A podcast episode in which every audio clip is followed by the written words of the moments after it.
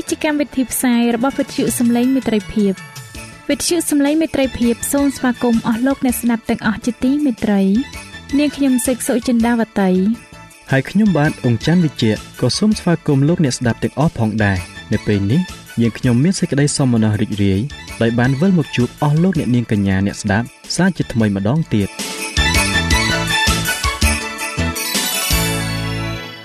នាងខ្ញុំសេកសុចិន្តាវតី សូមជម្រាបជូនកម្មវិធីផ្សាយដែលមានជាបន្តបន្ទាប់ដូចតទៅនេតិជួបជាមួយព្រះបន្ទូលនេតិសុខភាពចា៎លោកអ្នកស្ដាប់ជាទីមេត្រី នាងខ្ញុំសូមគោរពអញ្ជើញអស់លោកលោកស្រីអ្នកនាងកញ្ញាតាមដានស្ដាប់កម្មវិធីផ្សាយរបស់វិទ្យុយើងខ្ញុំដូចតទៅ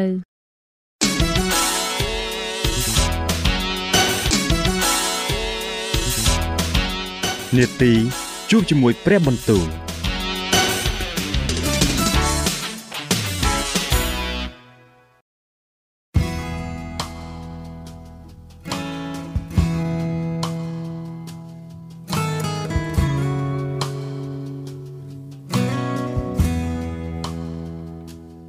ចា៎អស់លោកអ្នកស្ដាប់ជាទីមេត្រី ជាដំបូងនាងខ្ញុំសូមអញ្ជើញលោកអ្នកនាងស្ដាប់នេតិជួបជាមួយព្រះបន្ទូលនេតិនេះ នឹងលើកយកព្រះបន្ទូល ពីព្រះគម្ពីរយោបដែលនឹងជម្រាបជូនដល់លោកអង្ចាន់វិជ្ជៈដូចតទៅ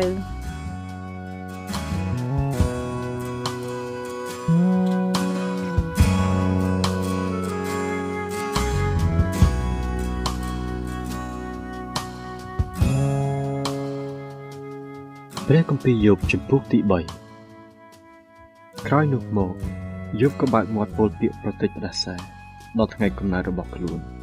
លោកពោលពាក្យថាសូមឲ្យថ្ងៃដែលខ្ញុំកើតមកត្រូវវិនិច្ឆ័យទៅ គឺជាជប់ដែលគេប្រកាសថាមានកូនមកចាប់ទុំផ្ទៃនោះសូមឲ្យថ្ងៃនោះបានសូន្យទៅសូមកុំឲ្យព្រះនឹករកពីស្ថានលើឡើយក៏កុំឲ្យមានពលឺចាំងមកបំភ្លឺឲ្យសោះសូមឲ្យសេចក្តីងងឹត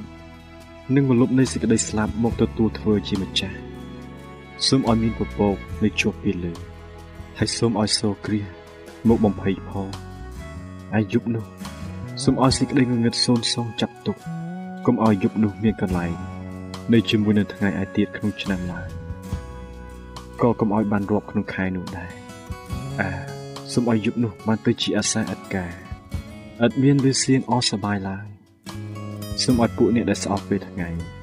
បានដាក់បណ្ដាសាដោយយប់នោះព្រមទាំងពួកអ្នកដែលប្រងនឹងដាក់ក្រពើឡើងផង សូមឲ្យអស់ទាំងផ្កាយដែលភ្លឺនៅពេលព្រលប់ក្នុងយប់នោះបានកងឹតវិញឲ្យបានរកពន្លឺឥតមានឡើយក៏កុំឲ្យបានឃើញបាក់ពន្លឺនៅពេលបញ្ចុះកាលដែរ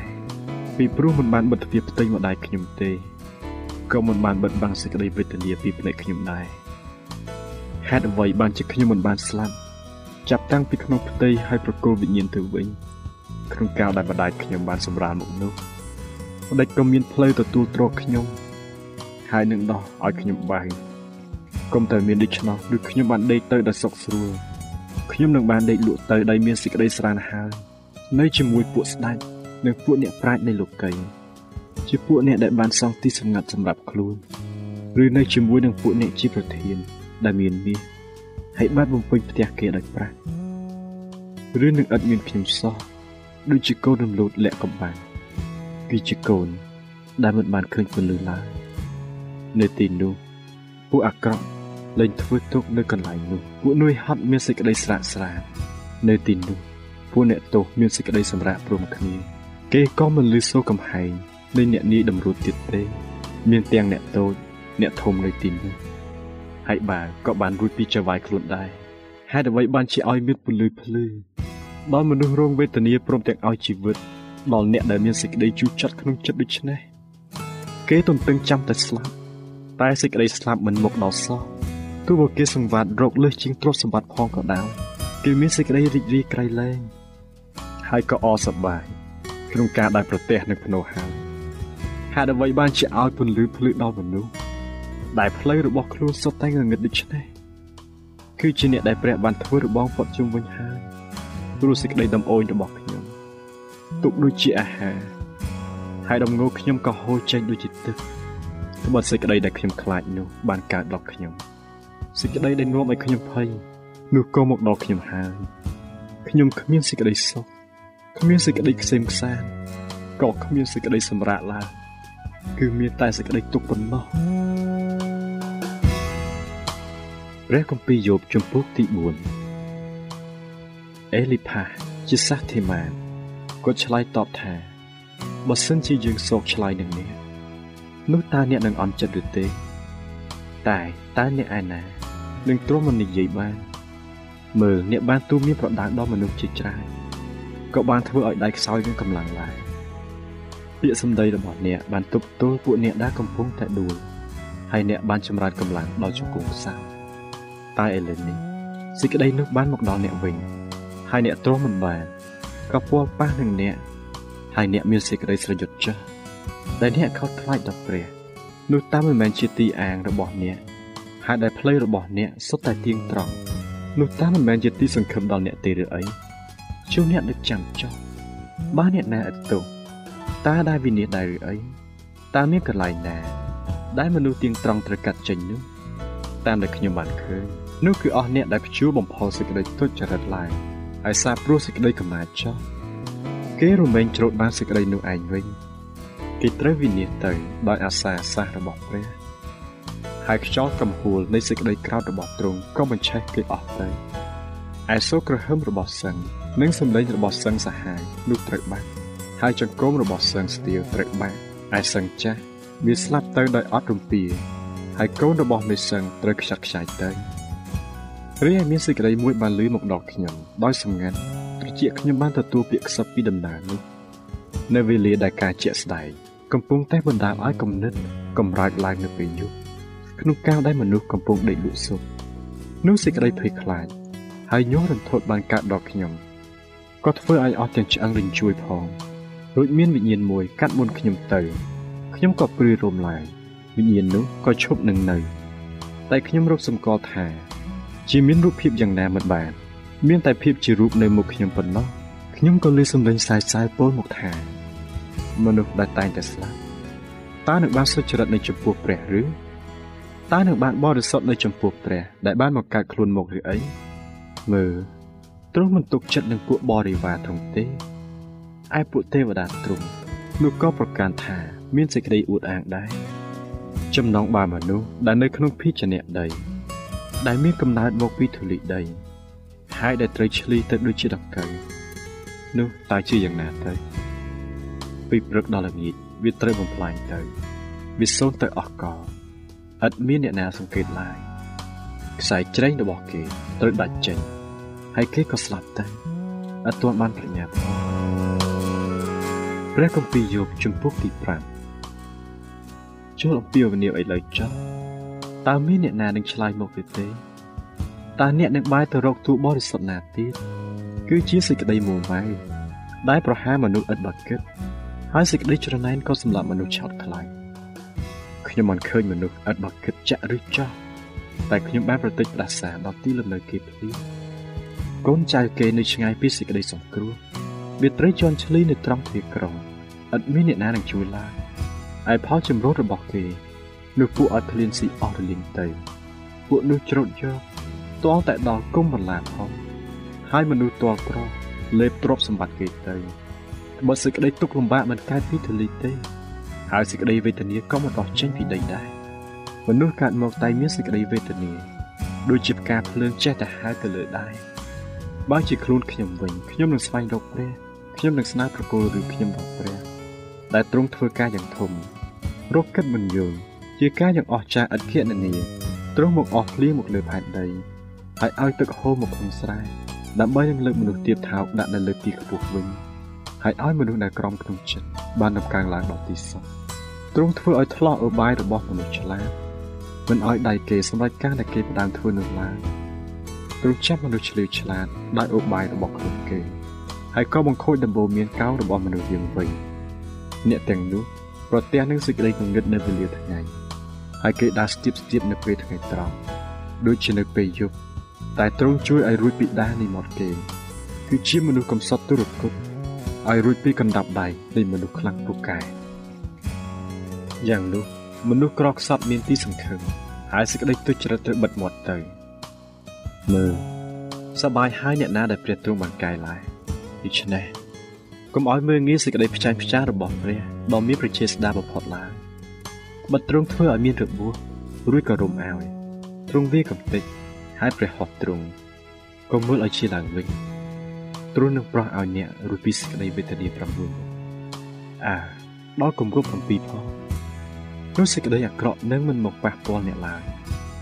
នៅគ្រាអំណត់ទ្រង់នឹងនួតអ្នកឲ្យរួចពីសេចក្តីស្លាប់ហើយនៅគ្រាសឹកសង្គ្រាមឲ្យរួចពីអំណាចដាវផងអ្នកនឹងបានលាក់កំបាំងពីរំពាត់នៃអណ្ដាតគេ ហើយការគ្រោះថ្នាក់មកដល់នោះអ្នកមិនត្រូវខ្លាចឡើយអ្នកនឹងសើចលក់ដល់គ្រោះថ្នាក់នឹងគ្រាអំណត់ហើយមិនខ្លាចសត្វកំណាចនៅផែនដីផងត្បិតអ្នកនឹងថ្មនឹងស្រែនឹងបានជាមិត្តនឹងគ្នាហើយទាំងសត្វព្រៃនឹងនៅជាមិត្តរីនឹងអ្នកដែរអ្នកនឹងបានទុកចិត្តថាលំនៅរបស់អ្នកនឹងមានសេចក្តីសុខកាលអ្នកចេញទៅមើលក្រៅសត្វរបស់អ្នកនោះនឹងឃើញថាមិនខ្វះខាតអ្វីឡើយ អ្នកនឹងឃើញពូជពងអ្នកចម្រើនជាច្រើនឡើយហើយកូនចាស់អ្នកបានគ្នាច្រើនដូចជាស្មៅនៅផែនដីលុះអ្នកមានអាយុគ្រប់គ្រាន់ហើយទើបនឹងដល់មរណភាពទៅឧបមាដូចជាកណ្ដាប់ស្រូវដែលគេយកចូលមកត្រូវរដូវកាលនេះហើយជាសេចក្តីដែលយើងបានស្ទុះមើលឲ្យដឹងហើយក៏ឃើញយ៉ាងនោះពិតមែនដូច្នេះជួនអ្នកស្ដាប់យកចោលហើយទទួលសម្រាប់ជាប្រយោជន៍ដល់ខ្លួនផង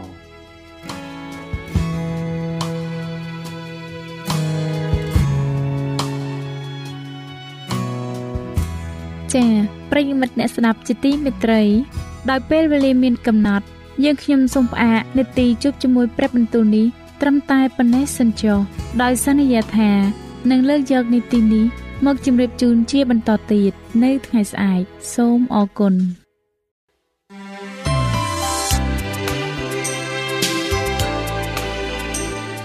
វិទ្យុសំឡេងមេត្រីភាព AWR នាំមកជូនលោកអ្នក នៅសារនៃសេចក្តីស្រឡាញ់ពីព្រះអង្គម្ចាស់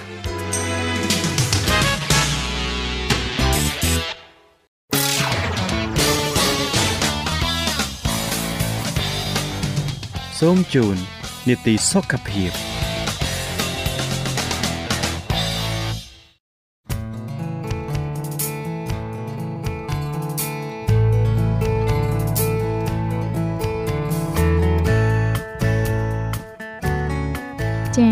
នៅក្នុងនីតិសុខភាពនៅថ្ងៃនេះនាងខ្ញុំសូមគោរពអញ្ជើញអស់លោកអ្នកនាងតាមដានស្ដាប់មេរៀនសុខភាពដែលនឹងជម្រាបជូនដោយកញ្ញាឌីណាដូចតទៅ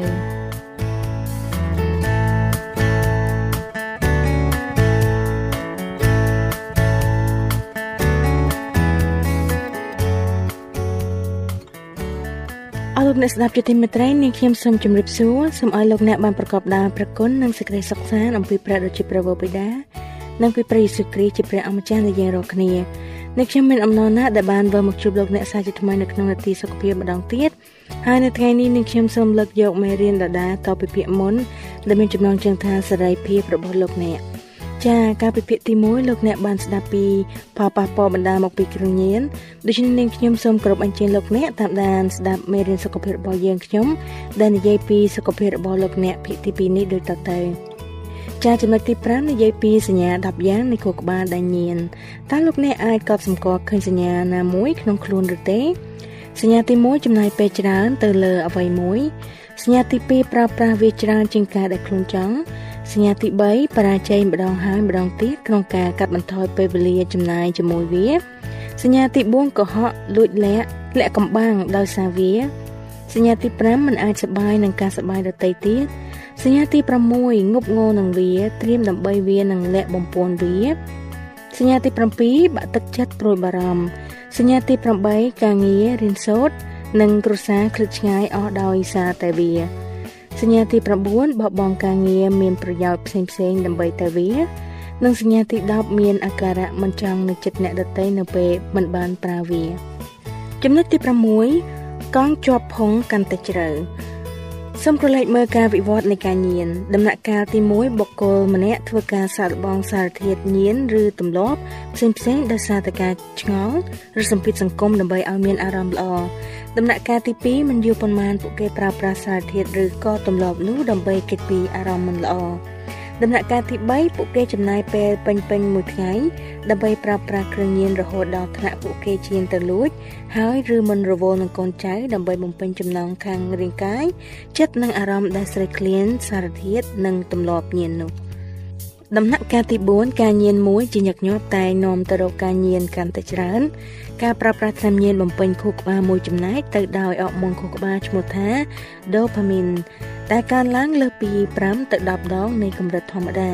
ការនេះនាំមកនូវអារម្មណ៍សុខស្រួលជាខ្លាំងប៉ុន្តែដោយការបន្តប្រើថ្នាំញៀនមិនឈប់ចំនួនកន្លែងទទួលអរម៉ូនដូផាមីនក្នុងខួរក្បាលនឹងធ្លាក់ចុះដូច្នេះអ្នកដែលញៀននោះនឹងត្រូវប្រើថ្នាំញៀនដដែលនោះច្រើនជាងមុនទើបអាចរក្សានូវអារម្មណ៍សុខស្រួលដូចមុនបានតើវាមានរឿងអ្វីកើតឡើងចំពោះខួរក្បាលនៅពេលមានការប្រើប្រាស់ថ្នាំញៀនរូបស្ពេចនៃសារធាតុថ្នាំញៀនបានបង្ហាញយ៉ាងច្បាស់នៅបរិវេណដែលទទួលបានឈាមនិងអុកស៊ីហ្សែនតិចជាងមុនហើយនឹងការថយចុះនៃសកម្មភាពអគ្គិសនីក្នុងខួរក្បាលរបស់ពួកគេរបៀបខ្លះនៃខួរក្បាលដែលខូចខាតដោយសារការប្រើថ្នាំញៀនមើលទៅដូចជាអេប៉ុង រូបភាពនៃលទ្ធផលនៃប្រភេទញៀនផ្សេងផ្សេងទៀតបានបង្ហាញថាមានប្រហោងជាច្រើននៅក្នុងខួរក្បាលជាពិសេសខួរក្បាលផ្នែកខាងមុខដែលជាបលាំងនៃឆន្ទៈនិងមនសិការគឺស្រដៀងនឹងរូបភាពខួរក្បាលរបស់អ្នកញៀនកឆាដែលមានវ័យ18ឆ្នាំម្នាក់នេះចំណុចទី7ការកើនឡើងខ្ពស់នៃការប្រើប្រាស់គ្រឿងញៀនតើការប្រើប្រាស់ថ្នាំញៀនរីករាលដាលខ្លាំងប៉ុណ្ណា យោងទៅតាមរបាយការណ៍ថ្នាំញៀនពិភពលោកឆ្នាំ2011មានមនុស្សពី149ទៅ272លាននាក់ក្នុងពិភពលោកបានប្រើថ្នាំញៀនខុសច្បាប់យ៉ាងហោចណាស់ម្ដងក្នុងឆ្នាំ2008ចំនួននេះរក្សានឹង 3.3%ទៅ6.1%នៃប្រជាជនទូទាំងពិភពលោកដែលមានអាយុ15ទៅ64ឆ្នាំកញ្ឆាគឺជាថ្នាំញៀនដែលមានចំនួនអ្នកប្រើប្រាស់ច្រើនជាងគេបំផុតហើយមានអ្នកប្រើប្រាស់ចាប់ពី125ទៅ203លាននាក់ទូទាំងពិភពលោកក្នុងឆ្នាំ2009ការនិយមប្រើហេរ៉ូអ៊ីននិងការនិងកូកាអ៊ីននៅត្រឹងឬធ្លាក់ចុះប៉ុន្តែចំណូលបែបនេះគឺមកពីមានការកើនឡើងនៃការប្រើប្រាស់ថ្នាំញៀនការច្នៃនិងថ្នាំដែលគ្រូពេទ្យចេញបញ្ជាក់បញ្ជាឲ្យប្រើចំណុចទី7កញ្ឆាក្នុងឆ្នាំ2009រវាង2.8%និង4.5%នៃប្រជាជនទូទាំងពិភពលោកដែលមានអាយុចាប់ពី15ទៅ64ឆ្នាំដែលស្មើនឹង125ទៅ203លាននាក់ធ្លាប់បានប្រើប្រាស់កញ្ឆាយ៉ាងហោចណាស់ក៏ម្ដងក្នុងឆ្នាំ2008 តើការជក់កញ្ឆាចោលជាបញ្ហា នៅក្នុងប្រទេសកម្ពុជាយើងដែរឬទេកញ្ឆាធ្វើឲ្យសរសៃឈាមទៅកាន់ខួរក្បាលរួមតូច ដែលធ្វើឲ្យលំហូរឈាមថយចុះហើយកម្ចាត់ការផ្ដល់អុកស៊ីសែនដ៏សំខាន់ទៅកាន់ខួរក្បាលការប្រើកញ្ឆាច្រើនមានជាប់ទាក់ទងទៅនឹងសកម្មភាពខួរក្បាលដែលចុះខ្សោយខ្លាំងគួរឲ្យកត់សម្គាល់ជាពិសេសនៅផ្នែកខាងមុខនិងខាងសៀតផ្កា ខួរក្បាលរួមមុខតូច ការប្រើប្រាស់កញ្ឆាដោយបរោះបរោះគឺជាមូលហេតុមួយផងដែរនៃការងាប់សរសៃរំញោចការសិក្សាផ្សេងផ្សេងតកតងនឹងក្មេងដែលកើតជាមួយម្ដាយដែលប្រើប្រាស់កញ្ឆាបានបង្ហាញឲ្យឃើញថាកូនទាំងនោះ មានបញ្ហាតចរិតទាំងក្នុងកំឡុងពេលនៅជាទារកនិងវ័យមុនចូលសាលាអ្នកប្រើប្រាស់កញ្ឆាងាយនឹងជួបបញ្ហាជាមួយនឹងការសម្រេចចិត្តការចងចាំហើយនិងសមត្ថភាពផ្ចង់ស្មារតី កិច្ចការធ្វើឲ្យប៉ះពាល់ដល់ការចងចាំការវិនិច្ឆ័យខុសត្រូវការគិតពិចារណានិងការសម្របសម្រួលសាវិទ្យាល័យប្រមាណ40%ធ្លាប់សាកល្បងកិច្ចការយ៉ាងទៅតាមការស្ទង់មតិសិស្សចំនួន4000នាក់មកពីវិទ្យាល័យ Connecticut សហរដ្ឋអាមេរិកប្រមាណជាសិស្សប្រុសម្នាក់ក្នុងចំណោម4នាក់ហើយសិស្សស្រីម្នាក់ក្នុងចំណោម5នាក់ប្រាប់ថាបានប្រើប្រាស់កញ្ឆាក្នុងខែមុនចំណុចទី7ខគ្រឿងស្រវឹងផ្សេងផ្សេងឬស្រា គ្រឿងស្រវឹងរំខានដល់ខួរក្បាលមិនឲ្យមានតុល្យភាព និងស៊ីចង្វាក់គ្នាយ៉ាងស្ងៀមស្ងាត់យោងតាមអង្គការសុខភាពពិភពលោក WHO បានឲ្យដឹងថាគ្រឿងស្រវឹងបង្កឲ្យមានការស្លាប់ទូទាំងពិភពលោកស្ទើរតែ4%ពោលគឺច្រើនជាងជំងឺអេដរបេងឬអំពើហិង្សា ការសេពគ្រឿងស្រវឹងកើនឡើងខ្ពស់នៅក្នុងប្រទេសអាហ្វ្រិកហើយនិងអាស៊ីរួមបញ្ចូលទាំងអាហ្វ្រិកខាងត្បូងនិងឥណ្ឌាច្បាប់របស់រដ្ឋាភិបាលនៅមានភាពទន់ខ្សោយនិងគ្មានប្រសិទ្ធភាពក្នុងការទប់ស្កាត់គ្រោះថ្នាក់ដ៏ធ្ងន់ធ្ងរដែលគ្រឿងស្រវឹងមានទៅលើសង្គមដូចជាគ្រោះថ្នាក់នៅតាមដងផ្លូវអំពើហិង្សាជំងឺដំកាត់ការមិនរវល់នឹងកុមារហើយនឹងការខកខានប្រកបកិច្ចការជាដើម ទូទាំងពិភពលោកមានមនុស្សប្រមាណ2.5លាននាក់បានស្លាប់រាល់ឆ្នាំបណ្ដាលមកពីហេតុផលផ្សេងៗដែលទាក់ទងនឹងការសេពគ្រឿងស្រវឹងការសេពគ្រឿងស្រវឹងដែលប្រកបដោយគ្រោះថ្នាក់អាចបណ្ដាលឲ្យស្លាប់បានសម្រាប់ក្រុមមនុស្សនៅវ័យក្មេងហើយគ្រឿងស្រវឹងគឺជាកត្តាដែលបង្កឲ្យស្លាប់នាំមុខគេទូទាំងពិភពលោកសម្រាប់បរិបទដែលមានអាយុចាប់ពី15ទៅ59ឆ្នាំ ប្រទេសរុស្ស៊ីនិងប្រជាជននៃរដ្ឋឯករាជ្យមានអត្រាខ្ពស់បំផុតដែលមានការស្លាប់20%បន្តមកពីការសេពគ្រឿងស្រវឹងដ៏គួរឲ្យគ្រោះថ្នាក់នេះអត្រាមរណភាពទូទាំងពិភពលោក ដែលកើតចេញពីការប្រើប្រាស់គ្រឿងស្រវឹងនៅតែកើនឡើងជាលំដាប់គ្រឿងស្រវឹងបំផ្លាញខួរក្បាលផ្នែកខាងមុខវាធ្វើឲ្យខួរក្បាលមានការផ្លាស់ប្ដូរហើយបង្វែរការពិតរីរាំងដល់សុភវិនិច្ឆ័យនិងបង្កឲ្យមានការប្រថុយប្រថាននិងគ្រោះថ្នាក់ផ្សេងៗ វាបណ្ដាលឲ្យមានអំពើខុសខើកំហឹងសំអប់អំពើហិង្សាហើយអំពើអន្តរាយផ្សេងៗទៀតដែលប៉ះពាល់ដល់សុខភាពផ្លូវចិត្តរបស់មនុស្សនិងខូចទំនាក់ទំនងក្នុងគ្រួសារនិងមិត្តភ័ក្តិទាំងឡាយគ្រឿងស្រវឹងបង្កើនការប្រថុយនិងការធ្វើអត្តឃាតគឺជាចំណែកដែលនាំឲ្យគ្រួសារអសកម្មនិងអភិភិភាបែកបាក់ ការផឹកជោគជាំហួសប្រមាណដែលជាបញ្ហាដ៏សាមញ្ញមួយក្នុងចំណោមសិស្សមហាវិទ្យាល័យបង្កឲ្យមានបញ្ហាផ្សេងផ្សេងអ្នកដែលផឹកហួសកំណត់ច្រើនខកខានមិនទៅរៀនបង្កបញ្ហាជាមួយអញ្ញាធរធ្វើឲ្យខូចខាតទ្រព្យសម្បត្តិបើកបរបន្ទាប់ពីផឹកហើយចំពាក់វគ្គវិននឹងការរួមភេទដែលមិនបានក្រុងទុកនិងខុសសិលធម៌ការសិក្សាមួយបានចុះផ្សាយនៅក្នុងប្រតិបត្តិអន្តរជាតិស្ដីពីជំងឺរាតត្បាត International Journal of Epidemiology បានបង្ហាញឲ្យដឹងថានៅក្នុងប្រទេស Uganda អ្នកដែលសេពគ្រឿងស្រវឹងមានការប្រឈមមុខនឹងឆ្លងជំងឺអេដទ្វេដង បើប្រៀបធៀបទៅនឹងអ្នកមិនដែលផឹកគ្រឿងស្រវឹងសោះអ្នកផឹកទូទៅយល់ថាការផឹកគ្រឿងស្រវឹងគឺជាការបន្ធូរភាពតានតឹង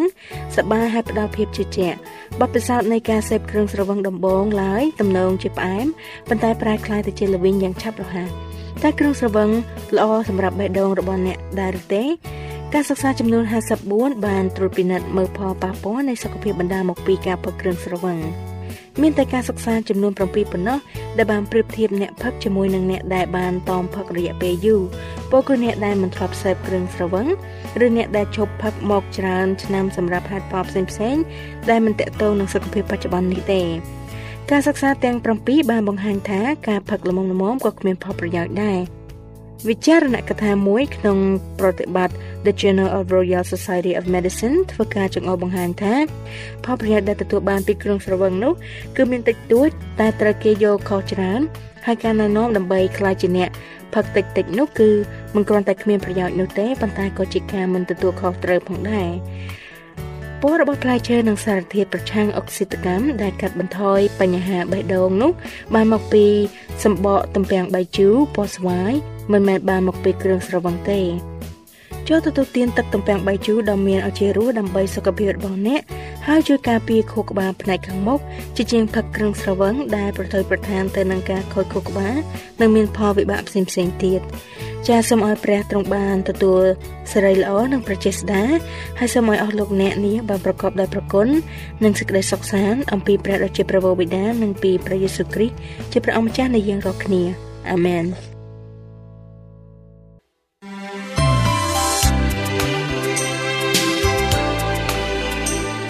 វិទ្យុសំឡេងមេត្រីភាព AWR មានផ្សាយពីរដងក្នុងមួយថ្ងៃ គឺព្រឹកនៅម៉ោង6និងពេលយប់នៅម៉ោង8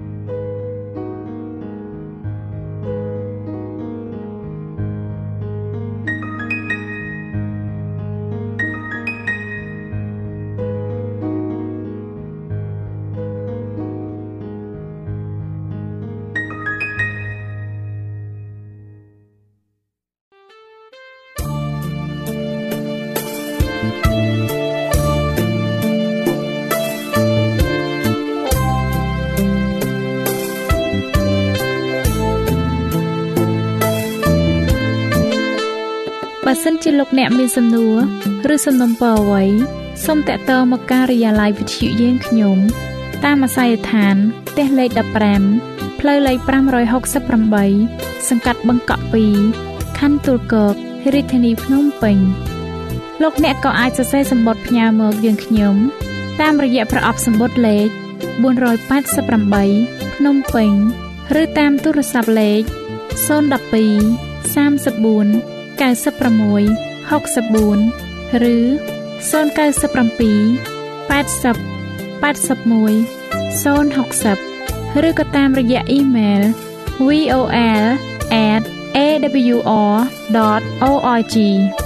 យើងខ្ញុំរងចាំទទួលស្វាគមន៍អស់លោកអ្នកនាងដោយក្តីសោមនស្សរីករាយហើយលោកអ្នកក៏អាចស្ដាប់កម្មវិធីនេះឡើងវិញដោយចូលទៅកាន់ website របស់វិទ្យុយើងខ្ញុំ តាមរយៈអាស័យដ្ឋាន www.awr.org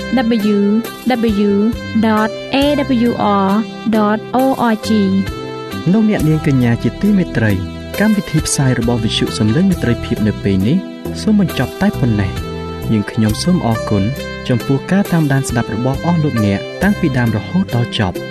យើងខ្ញុំសូមជូនពរឲ្យអស់លោកអ្នកនាងកញ្ញាទាំងអស់បានចម្រើនឡើងក្នុងព្រះគុណព្រះអង្គម្ចាស់ ហើយក្នុងការទទួលយកព្រះយេស៊ូវគ្រីស្ទជាព្រះអង្គម្ចាស់និងជាព្រះអង្គសង្គ្រោះនៃយើងរាល់គ្នានាទីផ្សាយរបស់វិទ្យុយើងខ្ញុំនឹងវិលមកជួបអស់លោកអ្នកសាជាថ្មីម្ដងទៀតនៅថ្ងៃស្អែកវេលាម៉ោងដដែលនាងខ្ញុំសេកសុចិនាវតីនិងខ្ញុំបាទអ៊ំច័ន្ទវិជ្ជៈសូមអរគុណសូមជម្រាបលា